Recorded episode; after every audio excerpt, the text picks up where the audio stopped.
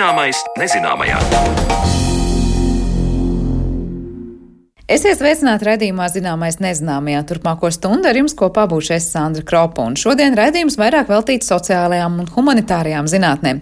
Pavisam drīz jau palūkosimies, ko vairāk par to, kāpēc skaļi lasīt kopā ar citiem ir gana laba nodarbe, bet pēc tam mūsu saruna būs par to, kā veidojas politiskā uzticēšanās un kāpēc tā ir tik zema, kā tā ir Latvijā. Mēs spriedīsim arī redzījuma otrajā pusē.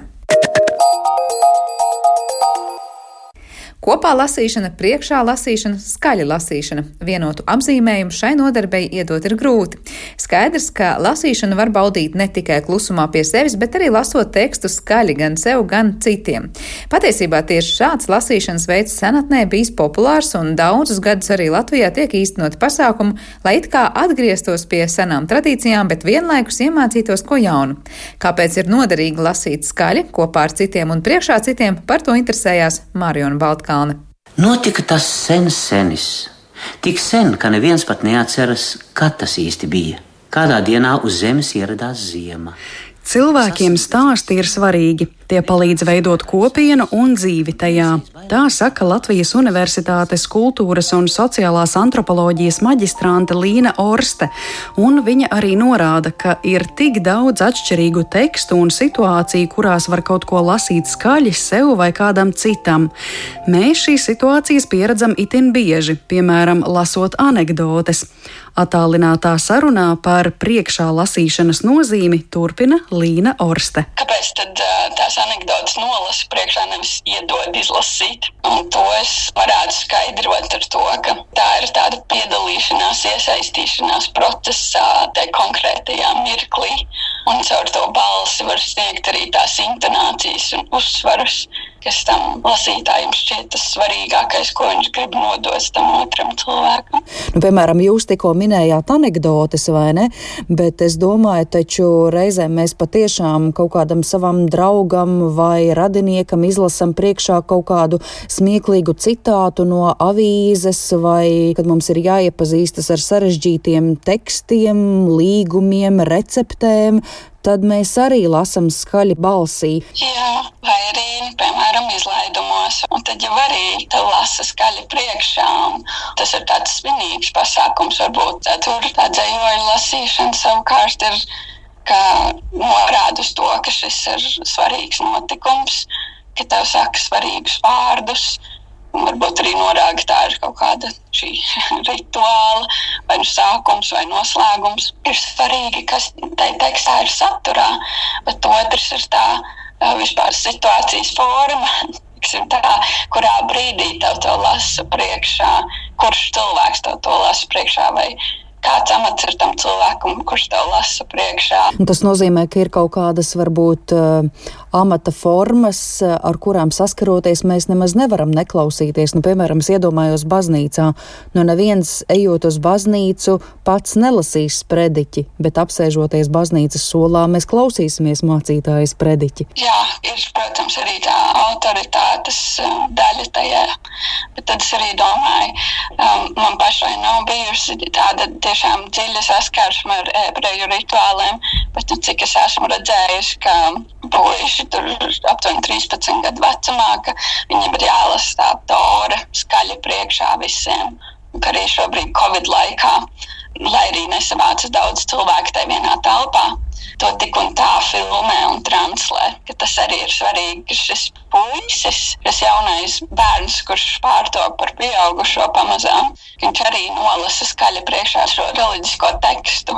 Nu, tieši tu kā tāds jauniņais parādi, ka tu arī veidojies par tās kopienas tādu pilnvērtīgu daļu. Tad, kad mēs lasām priekšā tiešām vecākiem cilvēkiem, tad tu arī izrādi savas rūpes, un tu mēģini arī radīt to prieku vai varbūt aizmiršanos no ikdienas um, rūpēm un sāpēm, vientulības. Tad nu, lasīšana priekšā kā rūpes.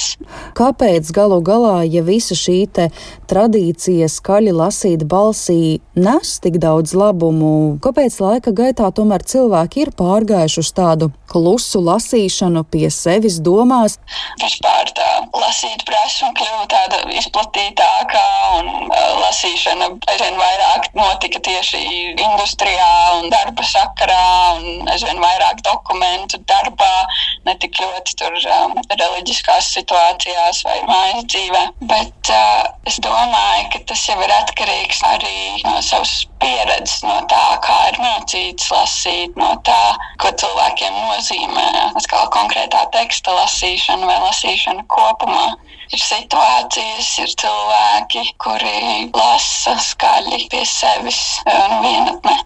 Pieļauju, ka, ja to sāk darīt, nu mājās, tad lasīt skaļi vienam esot, tad varbūt tas arī kļūst aizvien vieglāk un aizvien patīkamāk. Protams, lasīšana pie sevis dod iespēju tekstu izlasīt ātrāk, savukārt lasīšana skaļi sniedz lielāku efektu sev pašam un citiem klātesošajiem. Lasīt skaļi un lasīt kopā Tā kopš 1998. gada aicina Ziemeļvalstu ministru padomes birojas Latvijā sadarbībā ar Latvijas Nacionālās bibliotēkas bērnu literatūras nodeļu Silvijas Treķakovas vadībā Ziemeļvalstu literatūras nedēļas ietvaros. Par to, kāpēc šāda iniciatīva radusies, tālāk stāsta Ziemeļvalstu ministru padomes padomniece Ieva Hermansone. Tas bija laiks, kad uh, sabiedrībā ienāca pirmās tehnoloģijas, pēkšņi bija sajūta, ka cilvēki paliek ļoti tehnokrātiski un kaut kas vai tikai nevarētu būt pazaudēts. Tika pieņemts lēmums, ka novembris ir pats tumšākais laiks un vislabākā vieta būtu biblioteka, kur cilvēki sanāk kopā un, un lasīt viens otram priekšā literatūru. Un tas toreiz likās nu, tāds vecmodīgs projekts, bet tajā pašā laikā jā, ar ļoti ilgi ejošiem um, plāniem, jo šobrīd mēs šo projektu arī realizējam, un cilvēki nemazāk vēlas, tikpat viņi vēlas satikties, tikpat uh, ļoti labprāt viņi eh, klausās literatūru, satiekās, protams, ja tas ir droši. Jā, un pēc tam viņi diskutē, bagātinās šajās sarunās, un literatūra nav zaudējusi savu nozīmi, un īpaši priekšā lasīšanas tradīcija.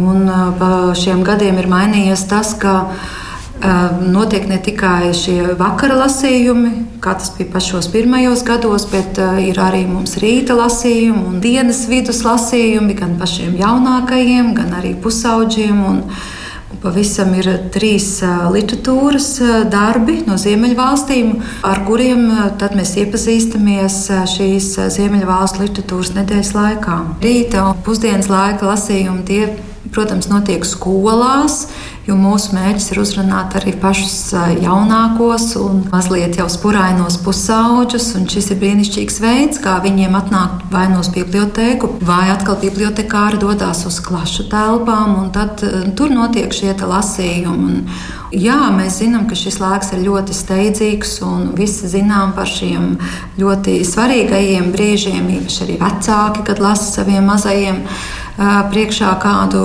grāmatu.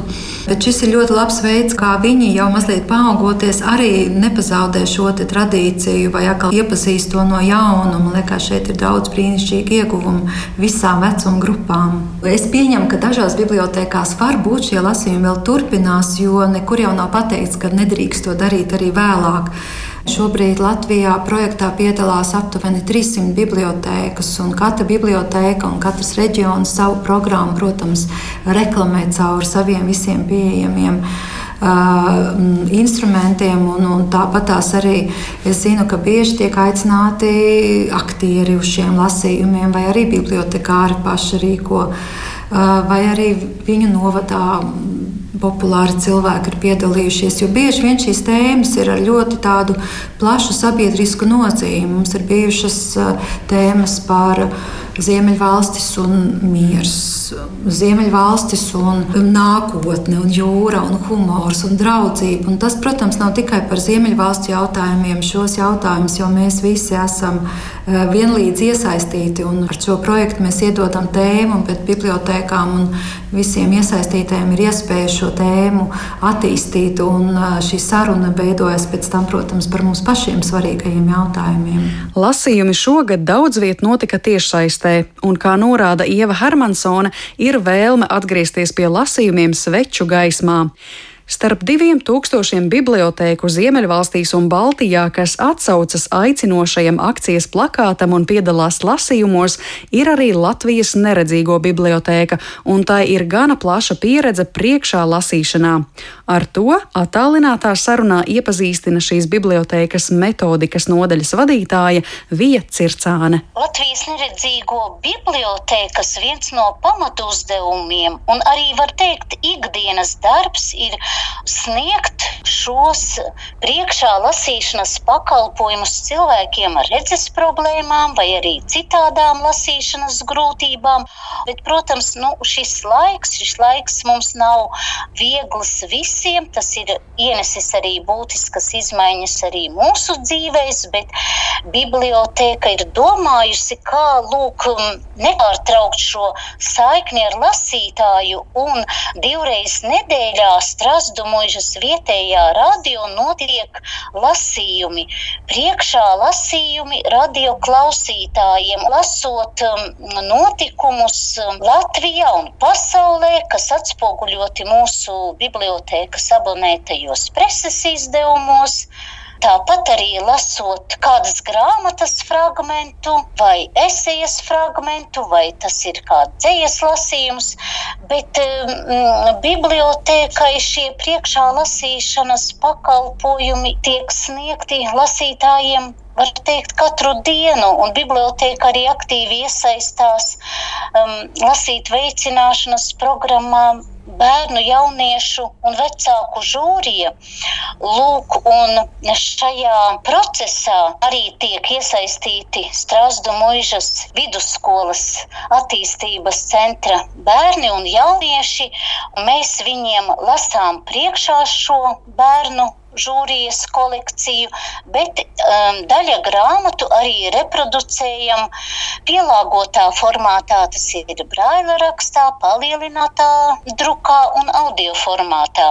Vēl šajā pirms ārkārtas situācijā bija ļoti laba tradīcija bibliotēkai lasīt kopā ar suni, kad bērni lasīja priekšā sunim. Mēs lasījām grāmatas, un arī bērni iesaistījās šajā lasīšanas kopīgajā procesā.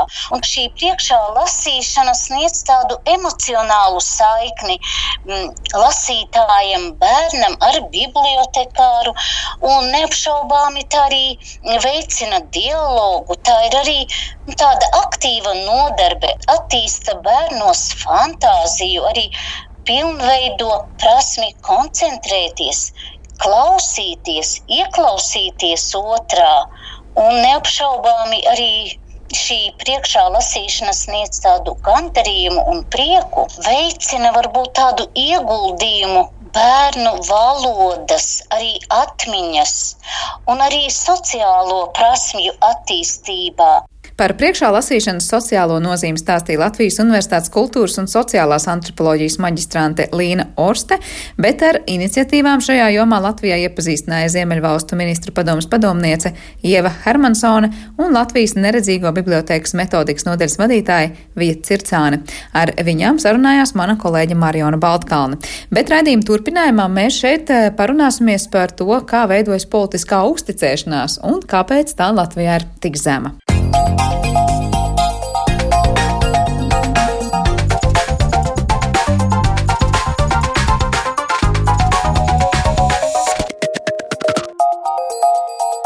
Zināmais nezināmajā. Ierasts, kā politiskos procesus pēta un vērtē politologi, sociologi un arī vēsturnieki. Taču šodien mēs e, metīsim tiltu starp politiku un psiholoģiju. Latvijas Universitātes pedagoģijas, psiholoģijas un mākslas fakultātē ir tapis pētījums par politisko uzticēšanos. Bieži tiek norādīts, ka Latvijas sabiedrības uzticēšanās dažādām valsts institūcijām ir ļoti zema.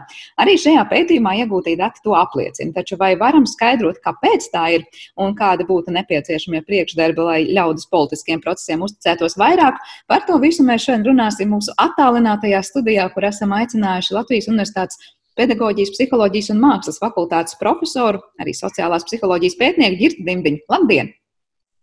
Labdien! Vispirms vaicāšu jums par to, cik aktuāli joma šobrīd, man liekas, ir vispār politiskā psiholoģija un vai tā kaut kā īpaši atšķiras no sociālās psiholoģijas. Var teikt, visi sociālās psiholoģijas pētnieki pie, pievērš arī šiem jautājumiem. Um, nu, tātad divi jautājumi aktuāli pilnīgi noteikti. Uh, gan, piemēram, uh, šī paša uh, Covid Covid situācijas sakarā, eh, kur eh, nu, mēs tam droši vien vēl pieskarsimies sarunas gaitā arī vairāk, eh, bet lielu lomu sabiedrības reakcijā uz valdības politiku, uz šiem ierobežojumiem spēlē tieši uzticēšanās. Un arī pasaulē, jā, kur mēs redzam, piemēram, šo te populisma uzplaukumu arī jau stabilās tradicionālās demokrātijās, un tāpat tās arī sabiedrības polarizācijas pēc ideoloģiskiem kaut kādiem kritērijiem, kā piemēram Amerikas Savienotajās valstīs šobrīd varam novērot šo pēc vēlēšanu situāciju. Tā kā, jā, ļoti aktuāli, tā aktualitāte, tiksim tā, pasaules līmenī kļuva akūta pēc 2000. gada vēlēšanām Amerikas Savienotajās valstīs. Tiksim, liela daļa pētnieku, kas varbūt līdz tam sociālās psiholoģijas ietvaros nodarbojās kaut ko citu, pievērsās tieši politikas psiholoģijas jautājumiem, vēlētāju uzvedības jautājumiem, ideoloģijas, psiholoģiskiem aspektiem. Un atbildot uz otro jautājumu, nē, sociālā psiholoģija ir daudz plašāka joma.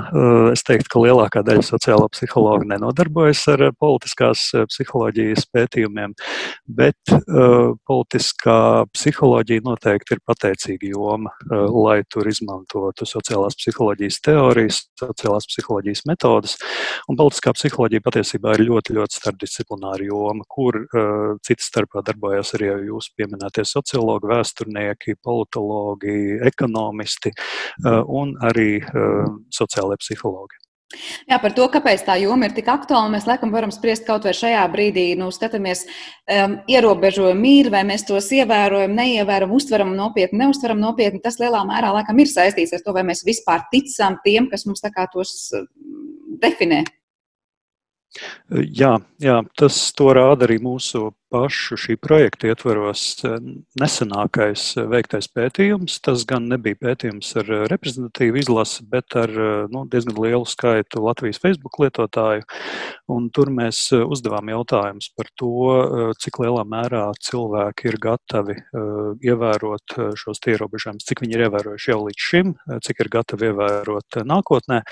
Lūdzām viņus novērtēt riskus saistībā ar Covid, gan attiecībā uz sevi, gan sabiedrību kopumā. Tāpat tās arī savu un, un, un valsts ekonomisko situāciju, un vēl vairākus citus rādītājus, un arī eh, novērtēt to, cik lielā mērā viņi uzticās eh, valdībai, un arī eh, nu, kā vērtē valdības rīcību šajā te, Covid krīzes risināšanā. Un, nu, Rezultāts bija tāds, ka ar, ar šo gatavību ievērot uh, ierobežojumus korelēja uh, faktiski visas lietas, ko mēs jautājām. Tātad tur ir ļoti daudz faktoru, kas, kas uh, nu, ja tā varētu teikt, ir saistīti ar šo te, gatavību sakot rekomendācijām vai ievērot šos te, uh, normatīvos aktos noteiktos ierobežojumus. Bet uh, paši, paši spēcīgākie prognozētāji attiecībā uz nākotni bija, uh, cik labi cilvēks jau līdz šim ir ievērojis šos ierobežojumus, kā arī cik lielā mērā uzticās valdībai šajā krīzes situācijas risināšanā un kā vērtē valdības rīcību. Tātad, jā, viens no spēcīgākajiem prognozētājiem ir tieši uzticēšanās. Bet, Kas var teikt, ir saistīts tieši ar šo uzticēšanos? Jūs tikko minējāt arī par to, kā vērtē to valdības darbību. Vai tur ir saistība ar to, ka tikai tie, kas pozitīvi vērtēs, arī vairāk uzticēsies, vai var negatīvi vērtēt, bet tomēr uzticēties? Ir saistība, jā. jā. Tas eh, nav nodalāms no tāda kopīgā eh, pozitīvā vai negatīvā vērtējuma. Šeit, nu, jāsaka, šī konkrētā pētījuma ietvaros mēs mazāk skatījāmies uz to, eh, kā kopumā vērtē valdības, valdību kā tādu arī citos kontekstos vai valdību kā institūciju, bet šajā jautājumā mēs savukārt esam iedziļinājušies iepriekšējos pētījumos.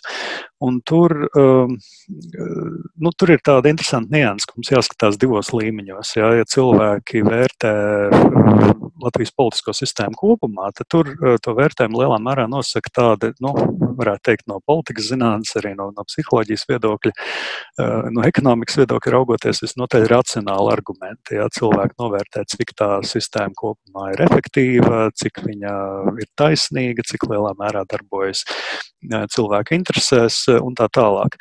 Tikko mēs sākam runāt par konkrētiem politiķiem, konkrētām partijām, konkrētiem cilvēkiem, kuri šo sistēmu darbina, ja, kuri viņā ieņem konkrētus amatus un, un, un veic noteiktas funkcijas, tā tie vērtējuma kritēriji mainās. Un izskatās, ka cilvēkiem lielā mērā to galveno patīk vai nepatīk, nosaka, vai man patīk vai nepatīk šis cilvēks. Ja?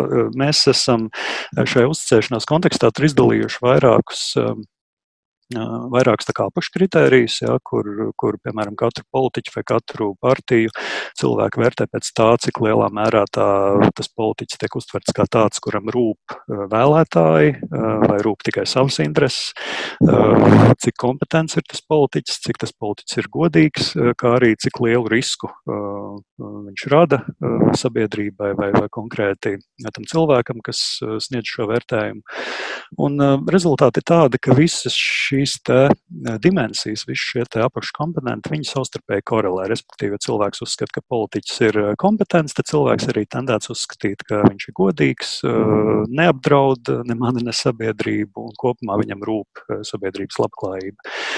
Mēs nevaram teikt, ka cilvēki pilnīgi nediferencē starp šiem faktoriem. Nav tā, ka viņi pilnīgi nu, identiski atbild gan par godīgumu, gan par kompetenci, gan par šo te sautīgumu vai nesautīgumu.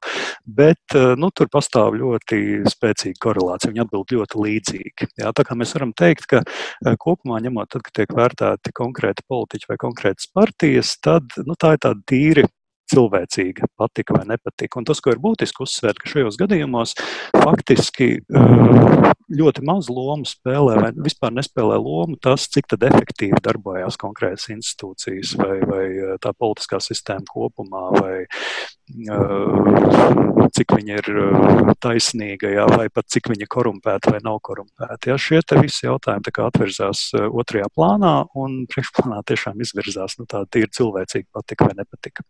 Bet tā cilvēcīgā patika vai nepatika, nu, jūs daļai atbildējāt, bet tomēr ir balstīta vairāk tiešām uz to, ka mēs izvērtējam cilvēku kompetences vai, vai rīcību. Vai tas, ko izteikt, man liekas, pirms vairākām desmit gadiem, bet varēja jūs, ka cilvēkam liekas, ne, nu, man, man patīk viņš kā cilvēks vai viņa, vai sākot no tā, ka laba frizūra vai skaisti runā.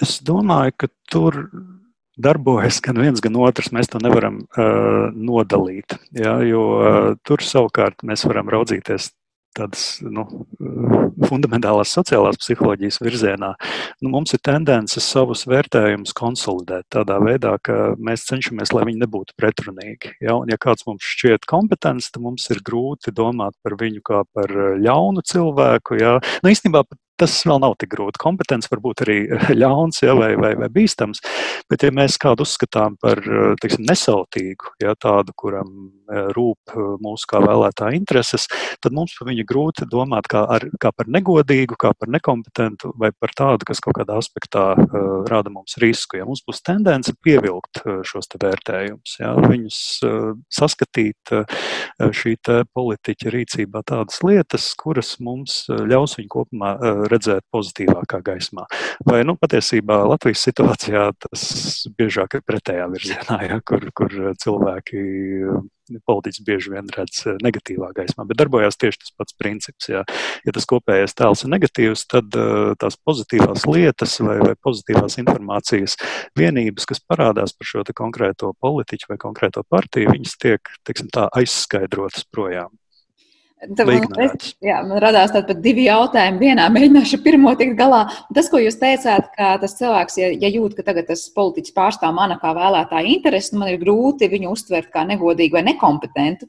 Vai tas varētu būt saistīts ar tādu psiholoģisku pat sajūtu cilvēkam, ka nu, viņš ir viens no, viens no mūsējiem, viens no, viens no manis, kas ir deleģēts, un es viņš nevaru uzskatīt par kādu, kas ir manas pārstāvis, kā par nekompetentu. Vai tur nevajadzētu būt? Arī, arī Jā, arī tas var būt faktors. Jā, tas var sevišķi būt faktors, ņemot vērā, ka mums Latvijā ir nu, diezgan būtiska šī etniskā balsošana, jā, piemēram, kur, kur politiķi var tikt vērtēti arī pēc etniskās grupas piedarības, jā, vai, vai viņš ir mūsējais vai nav, bet arī citos kontekstos. Jā, tas ir viens no faktoriem, ja, kas nosaka šo kopējo patiku vai nepatiku.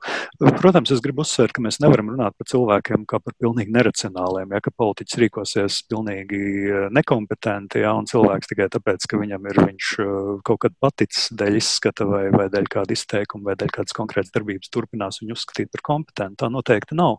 Bet tur, kur ir iespēja nu, interpretēt situāciju, kaut kādu neskaidru situāciju par labu vai sliktu konkrētam uh, politiķiem. Uh, tur uh, šī situācija visbiežāk tiks interpretēta saskaņā ar jau to esošo cilvēku attieksmi, ar to, vai viņš kopumā uzticis vai neuzticis. Ja? Un tā iemesla dēļ mēs varam redzēt, ka vienu un to pašu situāciju daži cilvēki skaidro kā pilnīgu kompetences apliecinājumu, un, un, un tieši to pašu situāciju citi cilvēki skaidro kā pilnīgi nekompetences apliecinājumu. Un, laikam, arī tajā gadījumā, ka tas politiķis var darīt eh, nu, visu, ko, ja, un vienmēr labu vai sliktu darot, eh, vērtējums būs vai atbilstoši negatīvs vai pozitīvs. Tā kā nu, neizvērtējot, ka vienreiz. Jā, nu atkal jāvērtē. gluži jebko būs pa spēcīgu teikts, jā, bet, eh, teiksim tā, jā, politiķis var ļoti daudz ko tikt projām, jā, ja tas jau a priori vērtējums viņam ir pozitīvs, un viņam būs ārkārtīgi jācenšas, jā, lai iegūtu pozitīvu vērtējumu, ja tas a priori vērtējums būs negatīvs. Bet tas arī tāds, nu, tā kā tāds nenoslēgtais lokus visu laiku ir, ka, um, ja mums nebūs tā sajūta, ka tie cilvēki tur ir deleģēti kā mūsu pārstāvji, vai tas ir vienalga domē vai saimā, tad visticamāk mums tā patikšana nebūs, vai tā uzticēšanās. Savukārt, ja mums nebūs tā uzticēšanās, mums nebūs tā sajūta, ka viņi ir mūsu deleģēti, mūsu pārstāvji, kā, nu, jā, pārstāv mūsu intereses. Tieši tā. Tā ir, es domāju, arī tā lielākā problēma šobrīd Latvijas sabiedrībā. Nu, ne tikai Latvijas sabiedrībā, bet konkrēti mēs runājam par Latvijas sabiedrību, jā, tā ir tā problēma, tāds vispārīgs politiskais cinisms. Un arī attiecībā uz mūsu pētījumu ir jāsaka, ka tas bija viens no tiem nu, saistošiem posmiem starp to, kā cilvēki vērtē to, to politisko sistēmu kopumā jā, kā, kā institūcija kopums, cik labi darbojas vai nedarbojas, kur mēs vairāk redzam to racionālo vērtējumu un kā tiek vērtēti individuālai politiķi, kur vairāk šī individuālā patikšana, nepatikšana. Gan vienā, gan otrā gadījumā tas, kas tiešām darbojās, ir šis politiskais cinisms. Un politiskais cinisms ir tāda vispārēja pārliecība par to, ka politiķi ir slikti, ka politiķi ir sautīgi, ka politiķi darbojas savās interesēs, nevis sabiedrības interesēs. Un, um, šī pārliecība eh, nu, tajā mūsu modelī, ko mēs izmantojam šī eh, pētījuma projekta ietvaros, un arī nu, pasaulē pieņemtā prakse, šī pārliecība lielā mērā nu, tā ir tā iezīme. Ja, tā ir tā individuāla atšķirība, mainīgais lielums, kas nu, cilvēks atšķir vienu no otra, bet viņa ir konstanta. Neatkarīgi no tā, kāds politiķis nāk priekšā vai ko viņš dara, visi politiķi ir slikti. Cilvēkam vienkārši ir tāda pārliecība. Dažiem tā pārliecība ir spēcīgāka, dažiem viņa ir mazāk izteikta. Latvijā kopumā ņemot, viņa ir ļoti izplatīta. Jā, šis politiskais cinisms ir ļoti izplatīts. Un jā, tam ir izteikti negatīva šī korelācija ar uzticēšanos gan sistēmai kopumā, gan konkrētiem politiķiem. Vai tas politiskais, vēl pēdējais jautājums par to politisko cinismu, jūsuprāt, nezinu, cilvēkam mūža laikā var mainīties un pāriet atkarībā no tā, cik viņš zinošs kļūst, vai jūs saistāt to saistību ar, ar zināšanām? Jā, nu, no vienas puses to ir grūti mainīt, ja, jo pētījumi rāda, ka šis politiskais cinisms ir saistīts ar tādu kopējo uzticēšanos vai neusticēšanos cilvēkiem nevis uh, konkrēti politiķiem, ja, bet cilvēkiem kopumā. Un tie cilvēki, kuri mazāk uzticās citiem cilvēkiem, viņi ir vairāk arī tendēti būt cīnīti attiecībā pret politiķiem un sistēmu. Uh, nu, līdzīgi kā ar šo uzticēšanos cilvēkiem, viņi var mainīties dzīves gaitā, bet viņi visticamāk nemainīsies kardināli vienam individam uh, dzīves gaitā. Ja mēs runājam par sabiedrību kopumā, nu tad atkal droši vien, ka daudzu desmitgažu laikā, ja noaudzoties, nomainoties e, paudzēm, jā, mēs varētu gaidīt, ka šī uzticēšanās, un jā, mums ir jārunā arī par diezgan zemu savstarpēju uzticēšanos Latvijas sabiedrībā. Nu, tīri cilvēcisko uzticēšanos. Viņa nav augsta, viņa nav tik dramatiski zema kā politiskā uzticēšanās, bet viņa arī nav augsta. Tad, um, Nu, droši vien, ka tur arī ir savi pamati, jā, arī šī mūsu vēsturiskā pieredze. Un pa, pakāpeniski mēs varam gaidīt, ka viņi droši vien pieaugs. Līdz ar to arī mazināsies šis politiskais cinisms, bet tas visbiežāk nav kaut kāds dažu gadu jautājums. Jo nu, tur ir vajadzīga nu, tāda nu, konsekventa kaut kāda ietekme, ja, konsekventa informatīva ietekme, kur cilvēks redz, jā, man nav taisnība attiecībā uz to, ka politiķi korumpēti un, un ka politiķi ir sautīgi. Bet eh, nu, tas jau faktiski nekad tā nenotiek. Tas nenotiek arī sabiedrībās, kur, kur nu, objektīvi eh, korupcija ir zema un, un, un institūcija efektivitāte augsta. Un, un, eh, Tā politiskā uzticēšanās arī ir augstāka nekā Latvijā. Es domāju, piemēram, Zviedrija kā, kā piemēru. Uh, nu, arī tur, ja mēs raugāmies to, kāda uh, informācija tiek vairāk uh, aplūkot publiskajā telpā, tad pārsvarā tā ir negatīvā informācija par politiķiem. Kamēr visi visu dara eh, labi un pareizi un kompetenti ar visu tiek galā, īsti nav par ko runāt. Ja viņi vienkārši dara savu darbu, ja, un, un nu, kurš taisa ziņas par to, ka šodien atkal neviens ministrs neko nav salaidis dēlī, ja, vai, vai ir eh, visu izdarījis eh, vienkārši tā, kā būtu jāizdara. Ja. Um, tikko... Ja? Satanies. Nu, tikko kaut kas noiet greizi, jā, tā, protams, žurnālisti to uztver, jā, un sabiedrība, protams, dzird pārsvarā šo negatīvo informāciju. Tā kā runājot par šo politisko cinismu, tur, protams, mums ir arī nu, kaut kāds akmentiņš jāmet eh, masu saziņas līdzekļu virzienā, jā, kad, kad eh, tā informācija kas nonāk pie cilvēkiem, viņi bieži vien ir asimetriski. Viņi nav nepatiesi, ja, bet viņi ir asimetriski tādā ziņā, ka negatīvā informācija uh, gūst daudz lielāku ievērību un publicitāti. Es tieši, es tieši gribēju jums vaicāt par to akmeni masu mediju lauciņā, vai tas ir viens no stūrakmeņiem, kas veido to vispār uzticēšanos politiskajiem spēkiem? Jā, tas ir viens no, teiktu, viens no diviem galvenajiem stūrakmeņiem, jā, kur, kur uh, otrs noteikti ir pilsoniskā izglītība. Jā, kas, kas uh, droši vien ir tāds pamatīgākais stūrakmenis tādā ilgtermiņā, domājot par, par uh, šo uzticēšanās audzēšanu un politiskās kultūras attīstību un to apziņas veidošanu, ka mēs katrs esam atbildīgi par savu valsti. Valsts nav kaut kas svešs vai, vai, vai politiķi, politika nav kaut kas slikts un netīrs. Bet, um, jā, nu, mazas saziņas līdzekļiem arī ir sava loma šī politiskā cinisma um, uh, veicināšanā. Uh, un, un te es, protams, nevienam neaicinātu noklusēt ja, kaut kādu negatīvu informāciju, kas sabiedrībai būtu jāzina, bet nu, tiešām nu, domāt par to informācijas uh, sabalansētību un varbūt arī nu, pat tādos sīkumos, jā, kādā veidā informācija tiek eh, prezentēta. Jā. Eh, man, man nāk prātā viena eh, ziņu portāla virsraksts pirms pāris mēnešiem, pirms pāris mēnešu, mēnešiem šo, tā, pirms pašvaldību vēlēšanām, kur bija, ja nemaldos, piketā Baltkrievijas atbalstam piedalās tur noteikti skaits cilvēku un vairāki mēra amata kandidāti vai kaut kas tamlīdzīgs. Tur bija rakstīts, apmēram, jā, nu, cilvēki un, un politiķi piedalās. Jā. Nu, šī tā, tāda kategorizācijas veicināšana arī nu, tādā ikdienas komunikācijā, tas pilnīgi noteikti neveicina, neveicina nu, ne šo uzticēšanos, ne arī politiskā cinisma samazināšanos. Bet, jā, nu, protams, ka šī jau arī ir vairāk tāda nu, tas vairāk sekas, jā, jo, jo nu, masu mēdī tomēr arī zina, kas cilvēkiem interesē, ko cilvēki grib dzirdēt, un, un uh, arī pielāgojās. Varbūt nerunājot par tik liedzošiem gadījumiem ar to kategorizāciju, bet iedomājamies par to pozitīvo un negatīvo līdzsvaru. Taisnība jau ir, bet no otras puses, cik ļoti bieži auditorija jau pati no tā, kā tā ir noskaņota, to vienu un to pašu ziņu uztvers tik ļoti dažādi. Varbūt vienā brīdī kaut ko ļoti konstruktīvi kritizētu, kāds uztvers par pozitīvu ziņu, bet cits atkal teiks, jā, mums viss ir slikti, savukārt labu salīdzinošu ziņu pateiks, un tas ir kaut kāds atkal demagoģisks mēģinājums kaut ko noslēpt. Jā, jā, jums pilnīgi taisnība. Tas tik vienkārši nenotiek, ja tagad sāksim stāstīt uh, labas ziņas. Jā, nu, tur paliek, tur rodas risks, ja, ka tā vietā, lai vairāk sāktu uzticēties uh, politiķiem, cilvēki mazāk sāks uzticēties šiem tēmām saziņas līdzekļiem, ko mēs, protams, negribam. Vēl atgriežoties pie tā pētījuma, kas jums bija par to, cik ļoti uzticamies, neusticamies konkrētiem politiķiem. Vai jūs saskatījāt tādu saistību, ka varbūt mēs uzticamies pašam politiskiem spēkam vai politiskajai partijai, bet nepatīk cilvēkiem atsevišķi konkrēti cilvēki, kas ir šajā spēkā? Vai tomēr, tad, kad mēs uzticamies nu, kādam tam politiskam spēkam, mēs vairāk vai mazāk nu, piedodam, ja tā var teikt, tās grēkus un nepatikšanu kādam konkrētam cilvēkam? Un, nu, ziniet, šeit man ir godīgi jāpasaka, mums tādi dati ir, bet es neesmu tādā griezumā mēs neesam vēl paskatījušies. Ja, jo, jo ir tā, ka nu, mums tie dati ir savākti, mēs viņus jau esam lielā mērā izanalizējuši, bet tā analīze vēl līdz galam nav uh, pabeigta. Līdz ar to konkrēti mūsu pētījumos un par situāciju Latvijā es jums tā īsti uh, nevarēšu atbildēt.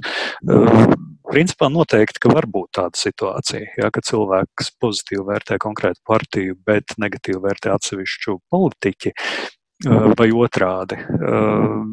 Bet, nu, atkal, es domāju, ka visticamāk, ne, nu, protams, varbūt arī, jā, varbūt situācijas, kur, kur tie vērtējumi ir pretēji zīmi, jā, kur, kur cilvēks saka, nu, jā, par to partijas nekad nebalsošu, jā, bet, nu, šis konkrētais cilvēks ir gan kompetents, gan, gan um, acīm redzami uh, nesautīgi gatavs strādāt, gan, gan godīgs, jā, un, un, un citos aspektos labs.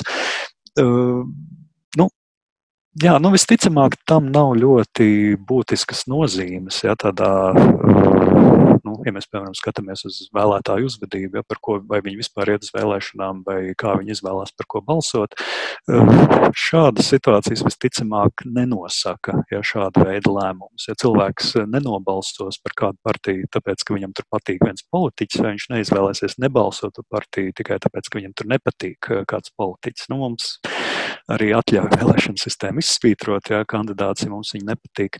Uh, nu, tas arī ir iemesls, kāpēc mēs varbūt neesam šī jautājumā tā uh, iedziļinājušies. Bet, jā, jums ir taisnība, ja tie vērtējumi var atšķirties, un tādā ziņā, ja viņiem nav jābūt ļoti nu, konsolidētiem jā. vai saskaņotiem. Es vairāk par to, ka, jā, es vairāk par to biju domājis, ka varbūt viena konkrēta personāža dēļ var ciest, piemēram, politiskā partija, ka tikai tāpēc, ka mums nepatīk konkrēts politiķis vai personība, mēs pat varbūt partiju, kas mums kopumā liktos mūsu interešu aizstāvoša, izsvītrot no tā savu uzticēšanās sarakstu?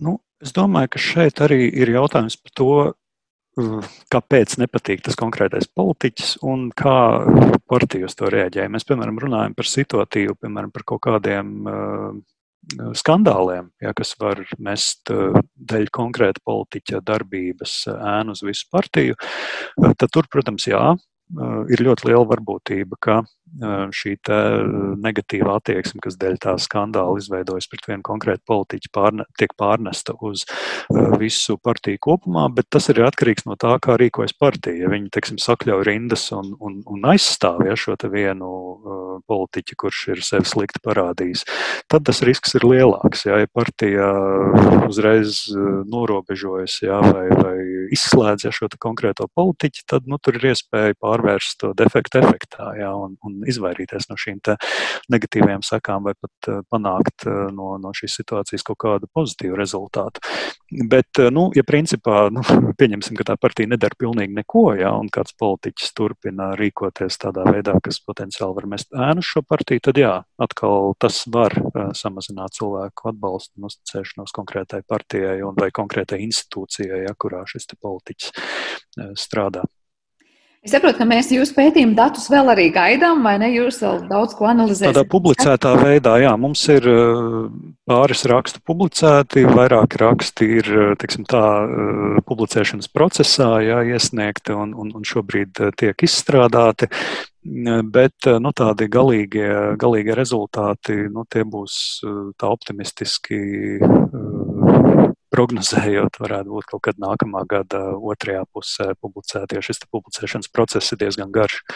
Nu, galvenais, ka pētniekiem pašiem tie secinājumi jau būs ātrāk radušies, un par tiem arī droši vien kaut kur vēl dzirdēsim. Man tikai noslēdzot šo sarunu, vēl ir jautājums, jūs iesākot šo sarunu stāstījāt par to, ka jūs anketējāt šos cilvēkus un arī Facebookā veicāt, ja tātad šos, te, nu, ja tā var teikt, mērījums. Izstāstiet mazliet par tiem eksperimentiem, ko jūs arī veicāt šī pētījuma. Um, eksperimentus, jā, tos mēs veicām vēl pirms sākās Covid situācija situācija, tie bija vairāk tādi mazi pētījumi, kur mēs, piemēram, um, aprakstījām politikas iniciatīvu, kur, kur Konkrētā politikas iniciatīva vienā pētījumā bija par uh, lielveikalu darbu nedēļas nogalēs, gan ne tādā aspektā, kā mēs šobrīd to redzam, bet, bet nu, vai vispār lielveikalus vajadzētu aizvērt nedēļas nogalēs, lai ļautu cilvēkiem atpūsties. Uh, un tad uh, mēs nu, veidojam tā kā stāstiņu, kur daļai daļai respondentu, šī pētījuma dalībnieku, viņi lasīja tā stāstīņa versiju, kur ar šo iniciatīvu nāk klajā partija, kam viņi uzticās, citai daļai tā bija partija, kam viņi neusticās. Un tad vēl bija divi varianti. Ja, vai nu tā iniciatīva izdodas, viņa ir veiksmīga, vai viņa neizdodas. Ja. Un tad cilvēkiem ir jāatbild, kāpēc tā iniciatīva izdevās, kāpēc viņa neizdevās, kāpēc vispār tāda iniciatīva tika ierosināta. Un arī tad mēs skatījāmies, kā kontekstā ar šo uzticēšanos, kā tiek vērtētas konkrētas politikas iniciatīvas. Nu, respektīvi, mēs pētījām to, ko politikas psiholoģijā un arī sociālajā psiholoģijā kopumā sap, zina, kā uzticēšanās, kā heuristika. Respektīvi, ja es uzticos nu, kaut kādas informācijas avotam, vai šajā gadījumā politiskās iniciatīvas avotam, vai es to vērtēju uzreiz pozitīvāk, ja un attiecīgi skaidroju ja, to izdošanās vai neizdošanās labvēlīgāk. Faktiski jāsaka, ka šajos te tādos fiktīvajos eksperimentālajos kontekstos mēs neatradām ļoti uh, spēcīgu apliecinājumu šai, šai uzticēšanās heiristikai. Savukārt, ja mēs tagad raugāmies uz to pētījumu Covid kontekstā, ja, tad oi, es ļoti atvainojos.